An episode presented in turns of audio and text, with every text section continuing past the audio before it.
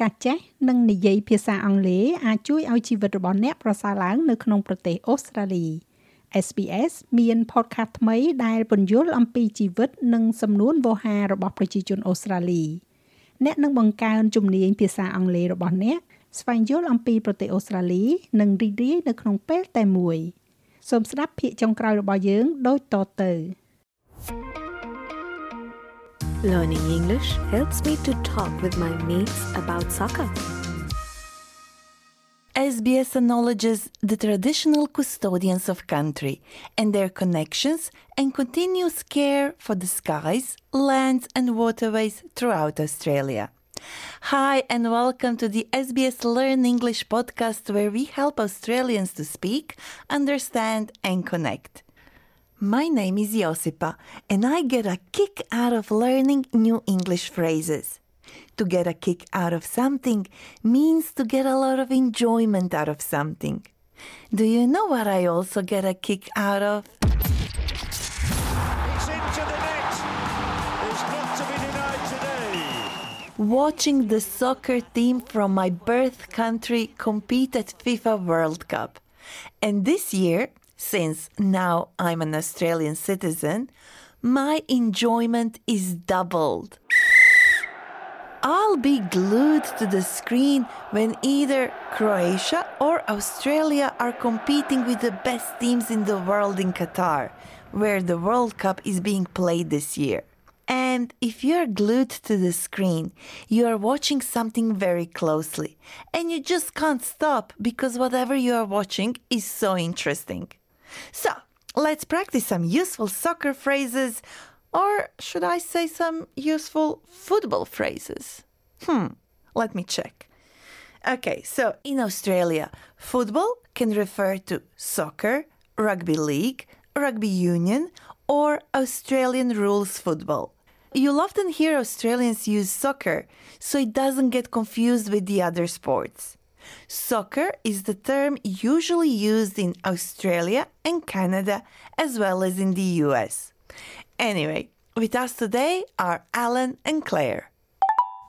How about that match yesterday? Oh, yes. It kept me on the edge of my seat until the very end. Such a shame it ended up in a draw. I still can't believe we blew a two goal lead. The other team had an impressive comeback. You're a good sport. I thought you'd be a sore loser. Nah, I'm a die-hard fan, but I still love a close game. So Claire asked Alan if he had enjoyed the match. She said, How about that match yesterday? How about that match yesterday? Is an example of an informal way to ask if someone enjoyed the match or game. Another great way to start a conversation about soccer could be by asking, How do you think your team will do in the upcoming game? Has your team ever got to the cup final? Who are you going for in this game? or as we heard before, how about that match yesterday? Do you remember how Alan answered? He said, The match kept me on the edge of my seat until the very end. If something keeps you on the edge of your seat, it is very exciting and you don't know what is going to happen or how it is going to end. So, for example, after watching a movie, you could say, I was on the edge of my seat for the entire movie. Alan also said, Such a shame it ended up in a draw. If a game, any game, not just soccer, ends up in a draw, it means that neither team has won because both teams finished with an equal score. Games can also end up in a tie, which is the same thing as ending up in a draw. I still can't believe we blew a two-goal lead. The other team had an impressive comeback. A comeback is when a team comes from a losing position to either win or draw the match. Alan also said that his team blew a two goal lead, meaning they were two goals ahead, but the other team came back to draw. And if you hear someone saying they blew something in everyday situations, it means they failed it. Claire then used some interesting phrases. Let's hear them again. You're a good sport. I thought you'd be a sore loser. a good sport doesn't get angry or rude when their team loses. People who get angry when their team doesn't win are sore losers. The term good sport can be used outside of sports talk too, and can just mean someone that is kind and generous. For example, you could say, Come on, be a good sport, drive me to the shops. Nah, I'm a die-hard fan, but I still love a close game. I'm a die-hard fan, but I still love a close game. A die-hard fan is a loyal supporter who knows everything about their team. We all speak football. Oh, brilliant goal. You're listening to SBS Football. Your home for the FIFA World Cup. While preparing for this episode, I asked Alan how he chooses who to support when his favorite team is not playing. He used an interesting phrase I'd like to share with you. He said, I always go for the underdog. An underdog is a person or group who people expect will lose a game or a sporting competition. Now, we don't have a word for the underdog in the Croatian language. And speaking with my Italian, Japanese, Nepali, and Russian colleagues, I discovered that their languages also don't have a literal translation of the word underdog. And what about your language? The opposite of an underdog is a favorite.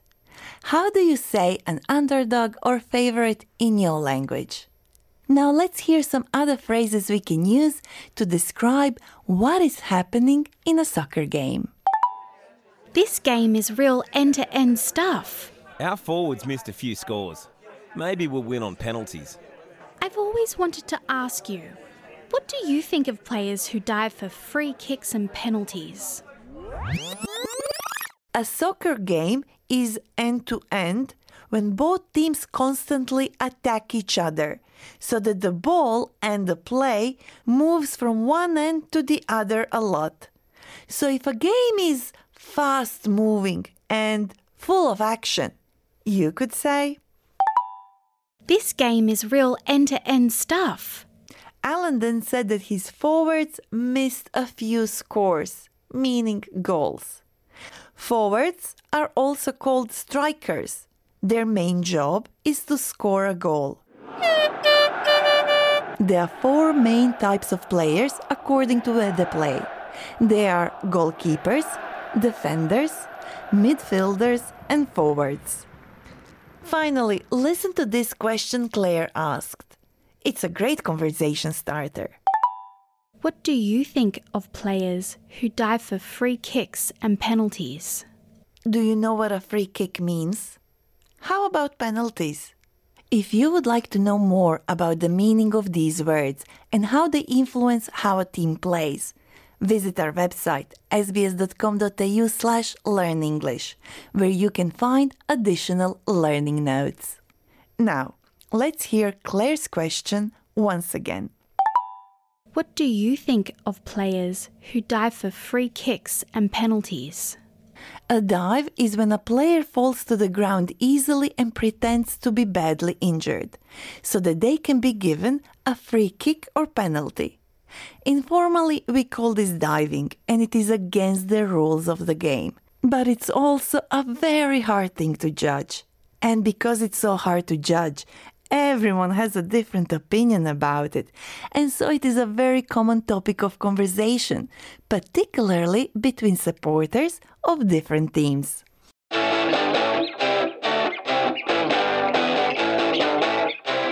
My guest today is an expert and a die-hard fan of everything soccer related. His name is Eftimios Kalos, also known as Temi, and his voice has become a part of many Greek households across the country, as Temi has been reporting on SBS Greek for over 32 years. Hi, Temi, it's a great honor to have you in our program. Hi, Josipa. It's a great uh, to be here. Thank you for the invitation. So, as I was telling you before, uh, I'm curious about the name of the Australian men's national team, the Socceroos. How did they get their name? Josipa, the Socceroos is a blended word made up of the words soccer and kangaroo. It's been used since the 70s, 1970s, to describe the team, the national team. But did you know a different Australian animal was also nearly the name of the team? No, I didn't. Which Australian animal? The emu. In a competition to pick a name for the team, the emus was actually the favorite. Emus are known for being really fast running birds that also have a good kick, so some people argued that it was a better fit. Oh, that's so interesting. And how about the Matildas, Australia's women's soccer team? Where did their name came from? They were actually first known as the female Socceroos, but they obviously deserve their own name, right? The name Matildas was also a result of a competition. Fans could have chosen Waratahs, that's a red Australian flower, or lorikeets, which are a colorful Australian bird. But they did not. They picked Matildas. You might have heard this word in the name of the classic Australian song Waltzing Matilda. A Matilda means a swag or bag that is carried by someone traveling with all their possessions inside. Well, it's a great name, but it doesn't really make sense because carrying a bag with all your possession is not very fast way to move, I think. Anyway, uh, the 2022 FIFA World Cup Qatar is kicking off soon. Where and how can we watch it?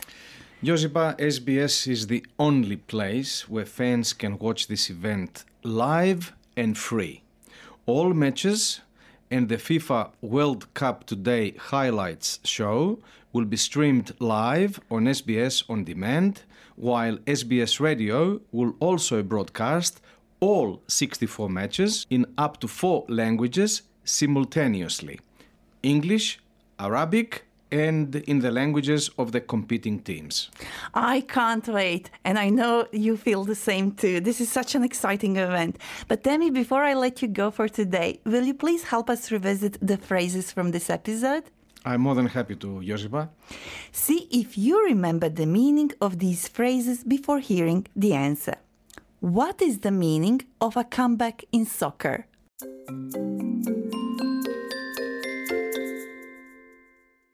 In soccer, a comeback happens when a team comes from a losing position to either win or draw the match. So, if a team recovers from a losing position, you could say, What a comeback!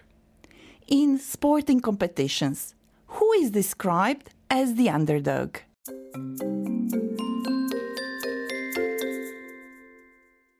An underdog is a person or group or who people expect to lose a match or competition. Now let's practice together. We heard different questions that could help us start the conversation about soccer. How about that match yesterday?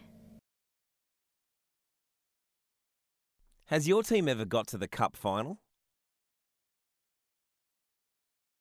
Who are you going for this game?